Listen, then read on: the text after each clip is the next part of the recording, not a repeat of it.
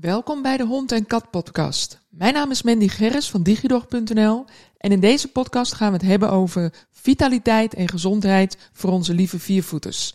Als voedingsadviseur en opleider zet ik daarbij natuurlijk voeding centraal en deel ik dit vooral voor de al dan niet aankomende honden- en kattenprofessionals. Maar er zijn natuurlijk veel meer vitaliteitsonderwerpen die ik met je wil delen via tips, inzichten, interviews en case studies. Alles om jou meer kennis en kunde te geven, zodat je jouw klanten, de eigenaar, nog beter kan helpen.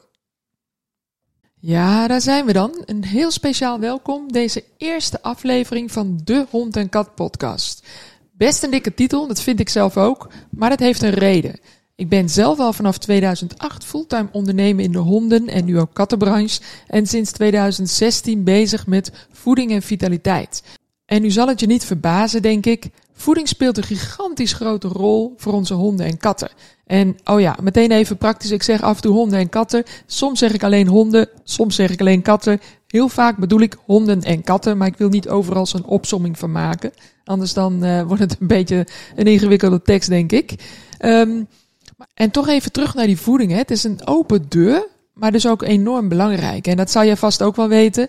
En toch is het bizar hoe weinig de meeste eigenaren weten over voeding en over het voer wat in de voerbak gaat. En dit is geen verwijt. Ik was, ik was vroeger zelf ook zo'n eigenaar. Ik kocht toen gewoon voer waarvan ik had gehoord dat het wel goed zou zijn. En zolang mijn hond het at, was ik vooral een blij baasje. Uh, intussen weet ik wel beter en met mijn hond destijds liep het overigens niet zo goed af, maar daar vertel ik je in een volgende podcast uh, nog zeker meer over.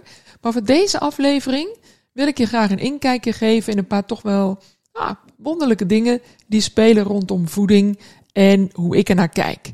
Ik weet dat mijn visie niet altijd helemaal gangbaar is, dus uh, buckle up zou ik willen zeggen. Want misschien ben je het totaal wel helemaal niet met me eens. Dat kan natuurlijk ook nog. Um, wat ik, wat ik bedacht, hè, wat ik, wat ik uh, over de thema's van, van deze aflevering is, is het volgende. Allereerst is de thema's over dat carnivore verhaal. Carnivore, omnivore, et cetera. Nou, voor katten is het vrij duidelijk. Hè? Katten zijn carnivoren, dat zijn echt obligate carnivoren, zoals dat heet. Uh, dat is niet zo spannend. Dat betekent dus een carnivore is dus een roofdier, maar ook een dier wat uh, qua voeding afhankelijk is van dierlijke ingrediënten op het menu. En een kat moet elke dag dus dierlijke ingrediënten eten, overwegend dierlijk, bijna alles dus, om aan zijn voedingsbehoeften te kunnen komen. Bij honden is dat nog een andere discussie. Althans, uh, bij honden wordt nu steeds vaker gezegd de laatste jaren dat de hond een omnivoor is. En als je het mij persoonlijk vraagt, zeg ik een hond is nog altijd een carnivoor. En waarom ik dat zeg, is vooral omdat die discussie, of de, de grens eigenlijk tussen wat is een carnivore, wat is een omnivoor, soms heel onduidelijk is. En je moet weten, er zijn natuurlijk drie types. Hè. We hebben de carnivore, dat zijn de vleeseters. De herbivore, die ken je vast ook wel, dat zijn de planteneters. Dan moet je denken aan paarden, aan konijnen, aan een koe, uh, dat soort dieren. Die hebben geen dierlijke ingrediënten op de menulijst staan, zeg maar. Um, dat zijn herbivoren, dat is vrij duidelijk. En daartussen zit de groep omnivoren. En omnivoren hebben dus een mix van dierlijk en plantaardig. Het suffe is van het hele verhaal is dat de carnivore groep is niet altijd 100% carnivore. Dus je hebt carnivoren die nou, meer dan de helft aan dierlijke producten eet en daarnaast zeker nog plantaardig en toch nog als carnivore worden gezien. En omgekeerd heb je, of aan de andere kant heb je dus de carnivores zoals de kat, die eigenlijk bijna volledig dierlijke producten moet eten. Want dat zit nu eenmaal in het uh, systeem van de kat. He, daar kunnen we wat van vinden, maar nu eenmaal, die kat is daar ooit zo om ontstaan. Nou, de, de is die tussengroep. En daar heb je dus dieren in zitten die heel weinig dierlijk eten. Dan vooral plantaardig en een beetje dierlijke producten. Als je een voorbeeld wil, um, denk aan, aan, aan beren. Veel beren, niet alle beren, maar veel beren in, in Amerika in het wild eten vooral plantaardig. Veel bessen, veel, veel andere plantaardige producten. En nou, slechts 10, 15 of 20 procent van hun voerbehoefte over een heel jaar gezien eten ze dierlijk. Maar dat zijn ook omnivoren.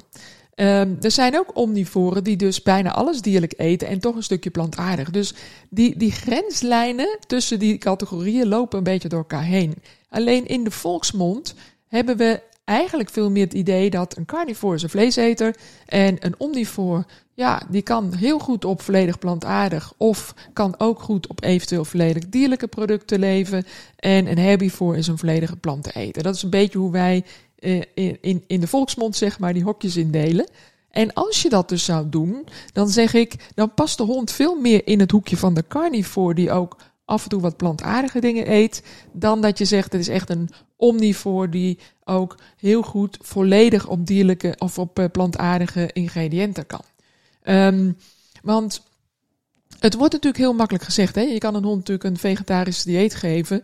Maar we weten uit onderzoeken dat die hond nog altijd qua fysieke lichaamsbouw en spijsvertering echt gewoon in elkaar zit zoals hun voorouders die wel strikt carnivoren waren. Dus het veranderen van het dieet wil natuurlijk niet zeggen dat het per se ook gezonder is voor die hond. Dat hij het erop doet, dat is één ding. Maar of hij er echt gewoon wel bij vaart over de tijd, is natuurlijk ook een ander ding. Dus dat is, uh, dat is wel een uh, punt. Dus ik ben zelf ook niet zo'n voorstander op dit moment van een vegetarisch dieet voor honden. Uh, ik weet dat er andere meningen over zijn en dat mag. Dit is mijn mening. Ik vind namelijk het wetenschappelijke bewijs erover nog te flinterdun. Zeker over langere tijd gezien. En ik neem dan ook geen genoegen met het idee dat je hond het gewoon erop moet doen. In plaats van dat je hond er gewoon enorm vitaal, gezond en, en super fit op wordt.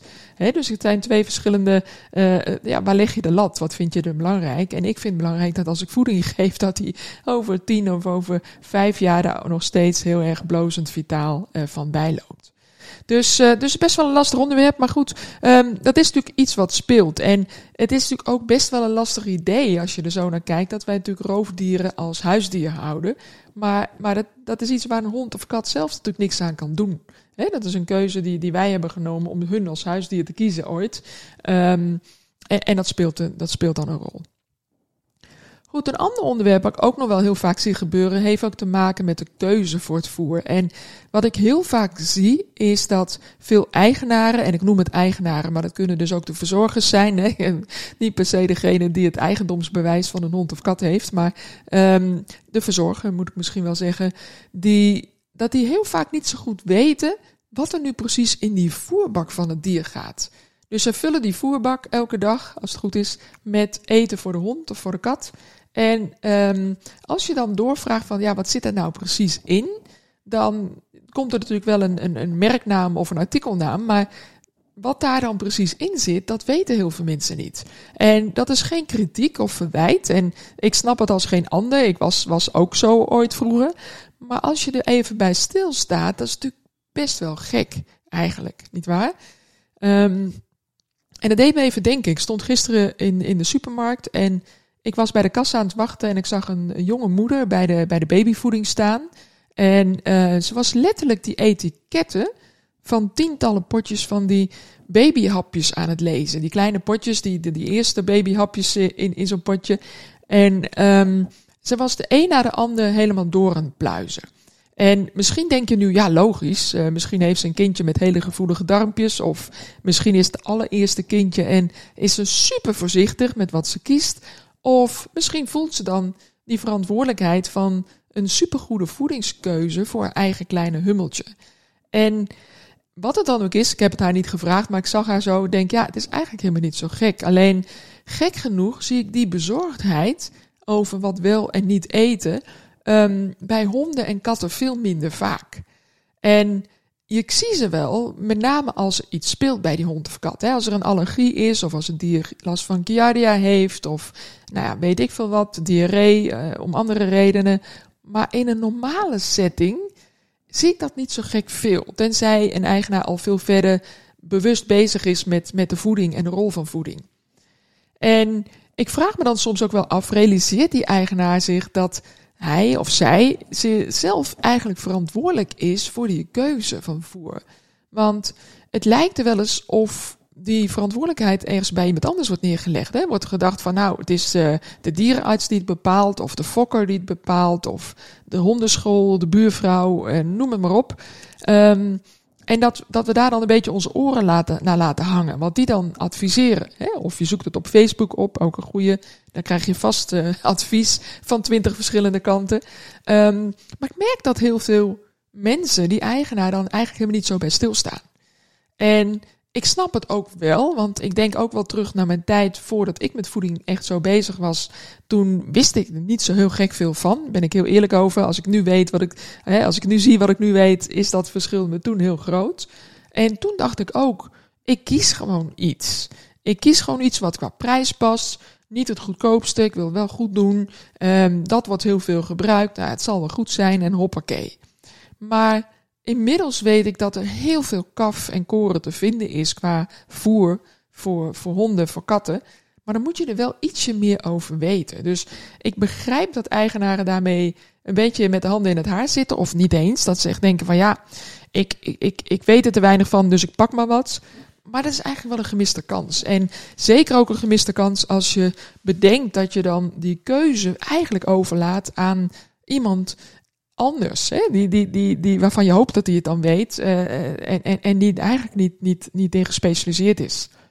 Dus dat vind ik dus wel een hele bijzondere. En ik denk dat we daar um, met elkaar voor de dieren echt heel veel kunnen bereiken. Want wat ik, waar ik eigenlijk mee begon, deze, deze podcast, was natuurlijk het verhaal van met voeding kun je natuurlijk enorm veel verschil maken in vitaliteit, in gezondheid, in, in nou ja, eh, het, is, het, is, het is behoorlijk breed natuurlijk. En je hoort me wat aarzelen. Want ik kan natuurlijk niet zeggen dat een dier per se langer leeft als die beter eet. Maar bij mensen zijn er wel onderzoeken die dat uitwijzen. Dus ik zou me nog zo kunnen voorstellen dat bij honden en katten niet anders is.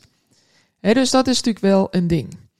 En ik weet ook wel dat eigenaren ook best wel worstelen. Want er is ook zoiets dat ik heel vaak de vraag krijg over. Maar wat moet ik dan mijn hond of kat geven? Uh, dus mensen die wel even stilstaan bij, ja, hoe zit het dan wat in onze voerbak gaat? Um, de meest gestelde vraag die ik krijg is eigenlijk, um, kan je me zeggen welk voer ik moet kopen voor mijn hond of voor mijn kat? Noem even het type, het merk, dan haal ik dat en dan zal het wel goed zijn. En het is een hele Um, logische vraag. Het is ook een, een, een, hele simpele vraag. Ik moet altijd een beetje grinniken als ik anderen hoor dat het zo'n ingewikkelde vraag is. Want ik heb daar een heel eenvoudig antwoord op. Um, mijn antwoord is super eenvoudig en ik, ik, het is eigenlijk het volgende. Het beste voer voor de hond of voor de kat is het voer waarop jouw hond of kat het het beste doet. En wat voor jou als eigenaar ook haalbaar is. Dus het is een heel kort antwoord, kan in één zin, maar ik snap ook dat je daar als eigenaar niet meteen wat aan hebt, want dan weet je het nog niet, zou je bijna zeggen.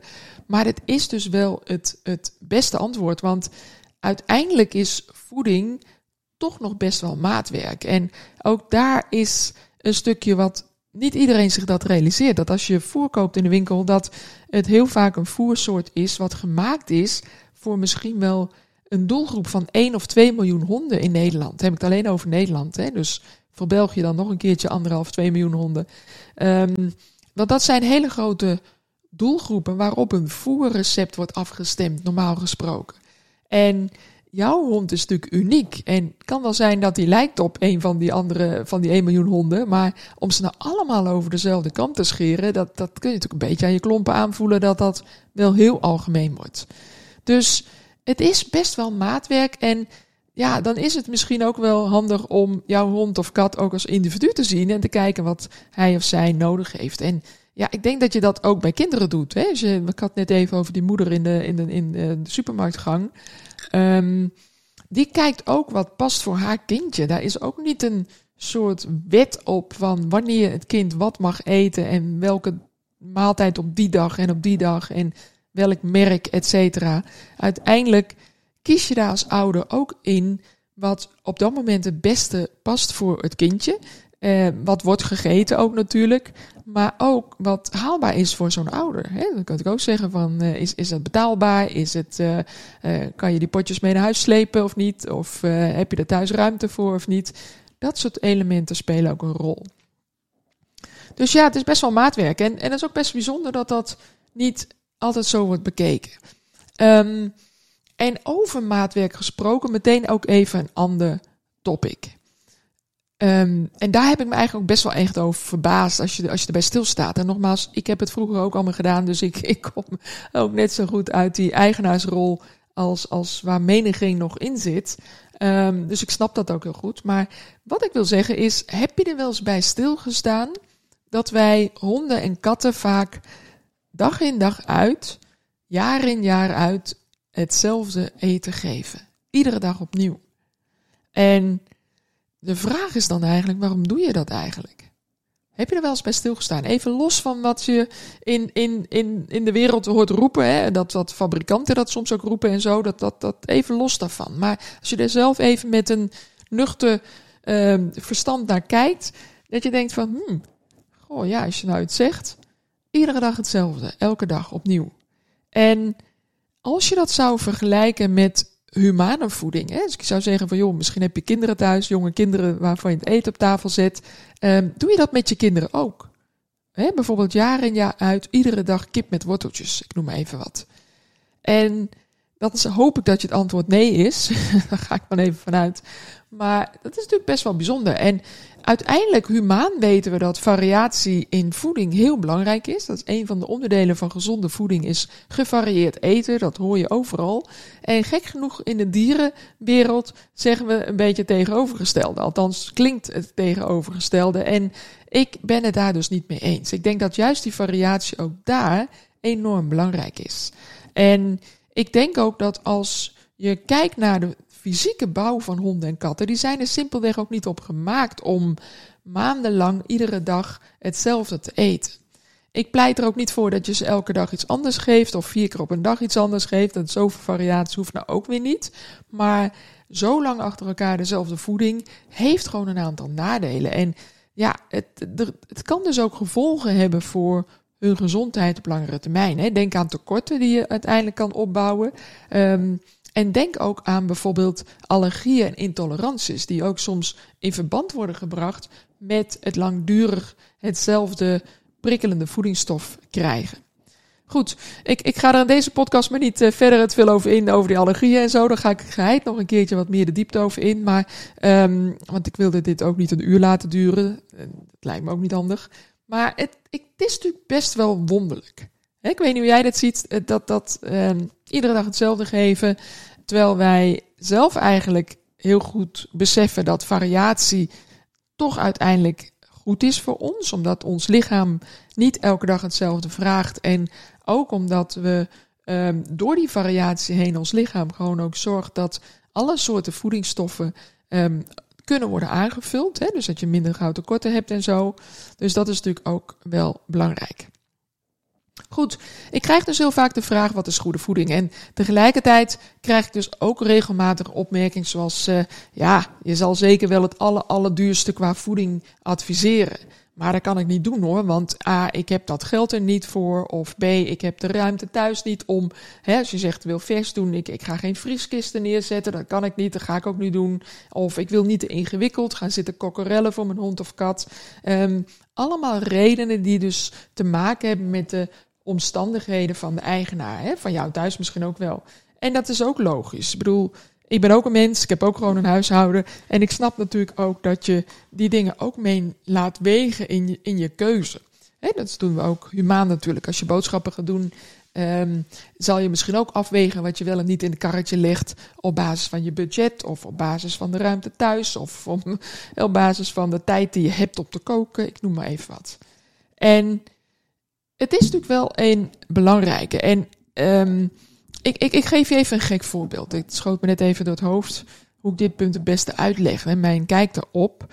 Um, het voorbeeld is, is, is, ja, is best wel een beetje lachwekkend. De mensen die mij een beetje kennen zullen, zullen erom grinniken, want die weten hoe, hoe gek het is voor mij. Maar oké, stel, ik wil over drie maanden super fit en afgetraind zijn. Echt super, super fit. Althans, in mijn ogen dan, hè, dus uh, klaar voor de zomer, zeg maar. Um, dan kan ik bijvoorbeeld naar een sportinstructeur gaan, die, die ook thuis is in de voedingsplannen. En die sportinstructeur die geeft mij dan bijvoorbeeld een extreem topsportersschema. Die zegt, ja, het is mogelijk, in theorie kan dat. En we gaan een heel streng voedingsplan doen, waarbij je weinig eet, in ieder geval niks, niks geen fratsen eromheen hebt. En je gaat drie maanden lang leven zoals de meeste extreme topsporters doen. drie keer per dag trainen, heel strak dieet en fysiek gaat je lichaam dan compleet veranderen in drie maanden tijd. Nou, ik kan je op een briefje geven, dat gaat hem niet worden. Mijn lijf zal in no time allerlei blessures krijgen, want het lichaam is niet gewend om zo tekeer te gaan. En ik denk zelf dat ik het mentaal niet eens langer dan een week volhoud. Laat staan drie maanden. En waarom lukt dat niet? Omdat dit regime, dat topsportregime, want mocht je me niet kennen, dan zal ik het maar verklappen. Um, dat staat zo ver af van de manier waarop ik nu leef, dat dat, dat gewoon niet te halen is. Ik maak me daar geen illusie over, dat is niet te doen. Dus dat is een traject wat denk ik niet de beste is.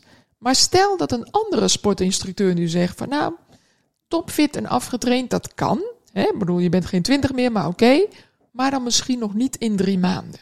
Maar wat wel kan, is dat je over drie maanden een x aantal centimeters en kilootjes kwijt bent en dat je je een stuk fitter voelt. En dat we nu starten met een aantal aanpassingen in je voeding. We schrappen een aantal dingen, we vervangen een aantal dingen voor wat gezonder is. Plus bijvoorbeeld drie of vier keer per week een basistraining gaan opstarten. Dus we gaan in die training stapje voor stapje beginnen. Niks forceren, zodat je geen blessures oploopt. En um, dan zal je zien dat je over drie maanden echt een hele vooruitgang hebt doorgemaakt. Ten opzichte van waar je nu staat. En dat laatste, dit voorbeeld, is natuurlijk veel toegankelijker, veel logischer en heeft veel meer kans op succes. Dus eigenlijk ga ik dan van een goede levensstijl die ik nu heb, ik wil het geen slechte noemen, ga uit van een positieve, ga ik van een goede levensstijl naar een betere levensstijl. Die topsporter zit op het beste levensstijl. Die heeft een lat zo hoog liggen, die gaat voor topniveau.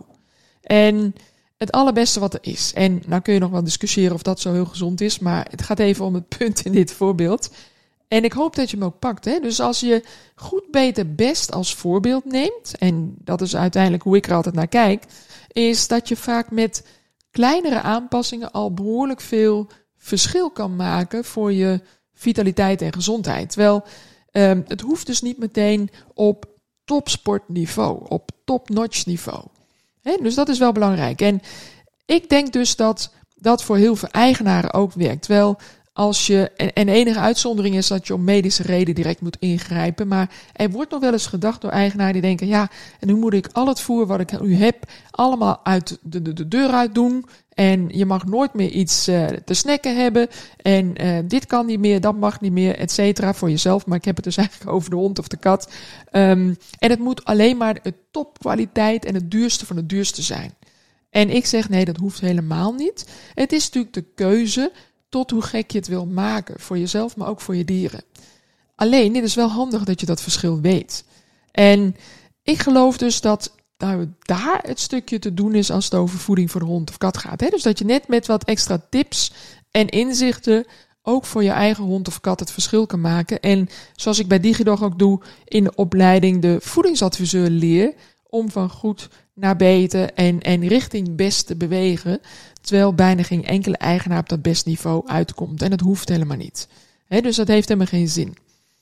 Goed. En natuurlijk heeft dat beste niveau wel zin als het fysiek puur om gezondheid gaat. Maar uiteindelijk moet het wel haalbaar blijven. En als je het niet doet, heeft het dus echt geen zin. Dus dat is vooral wat ik bedoelde. Maar goed, dit zijn dus een uh, aantal uitgangspunten die ik heb. En, en dat gaat dus over mijn visie over voeding. En uh, simpelweg Weet je, ik ben me echt letterlijk rot geschrokken toen ik me ging verdiepen in dit vak. Ik ben vanaf 2016 echt met voeding aan de slag gegaan. Ik zal later nog wel eens vertellen in een andere podcast hoe dat begon. Maar er was zoveel wat ik niet wist. En ook dat is wel een aparte. Heel veel mensen denken dat ze best een en ander over voeding weten. En ik dacht toen in 2016 dat ik ook best het een en ander al over wist. Ik had als gedragstherapeut ook best veel al gelezen en bekeken over voeding en gedrag en die relatie. Maar wat ik daarna nog allemaal tegen ben gekomen over kennis en inzicht over voeding, nou, dat is echt ongekend. Dus uh, ik ben bij heel veel mensen van, ja, je weet niet wat je niet weet. En, en dat is in dit geval dus ook zo. Dus dat, uh, dat is ook het mooie van het vak. En het is ook zo mooi dat met juist net dat beetje extra kennis, dat je voor je eigen dieren, maar ook voor andere dieren, zoveel kan bereiken. Dus uh, ja, je merkt, ik ben er enthousiast over. Het is ook de, waarom ik het werk bij DigiDog ook uh, al vol vuur doe, zoveel jaren lang, uh, met heel veel plezier. En, um, en het is ook de reden waarom ik ook bij DigiDog vooral gefocust ben op de online opleiding tot voedingsadviseur voor honden en katten. Omdat ik heel graag mijn kennis en inzichten aan die mensen geef, zodat zij ook heel veel honden en katten kunnen helpen. Dus met elkaar kunnen we gewoon veel meer dieren helpen. Want dat verdienen ze natuurlijk simpelweg ook. Goed, dit even over mijn, uh, mijn inzichten, hè, wat ik uh, wilde delen in deze eerste aflevering. Een aantal toch wel uh, ja, wat afwijkende visies, denk ik. misschien ook wel niet. Ik ben ook wel heel benieuwd wat jij vindt, hoe jij erover denkt. En um, ja, dan, dan kom ik daar zeker ook nog op terug. In een volgende podcast kom ik ook nog graag terug over mijn stommiteiten qua voeding. En, en vooral over Wilson, mijn vorige hond, waarmee mijn voedingszoektocht mee begon. En waar ook allerlei gekke dingen mee, misgingen. Um, en er komen nog een aantal andere toffe onderwerpen aan. En meteen over toffe onderwerpen gesproken. Heb jij nou een vraag over voeding of vitaliteit die je heel graag beantwoord ziet worden? Laat het ons even weten en misschien behandel ik jouw vraag wel binnenkort ook in deze podcast. Tot zover deze podcast en superleuk dat je weer luisterde naar een aflevering van de Hond en Kat podcast. Nog even kort een paar belangrijke dingen. Uh, wil je nog meer weten over de crux van voeding voor honden en katten? Van 11 tot en met 14 maart organiseer ik een gratis vierdaagse mini-workshop met hapklare kennis over voeretiketten. Heb je daar interesse in? Meld je dan even aan op digidog.nl schuine streep hapklaar. Wil je de komende podcast niet missen? Abonneer je dan op deze podcast. Klik in je podcast-app waarmee je luistert op volgen of subscribe. En dan zie je automatisch als er een nieuwe aflevering is. En je zou me enorm helpen als je een review achterlaat. Dit kan heel eenvoudig. Ga naar de podcast-app waarmee je luistert, klik op reviews, laat bijvoorbeeld 5 sterren achter en als je wilt ook nog een geschreven review. Hierdoor wordt de podcast aan meer mensen getoond en daardoor bereiken we uiteindelijk meer honden en katten. Hoe mooi is dat? Dankjewel alvast en nogmaals dankjewel voor het luisteren. Tot de volgende keer. Doei doeg!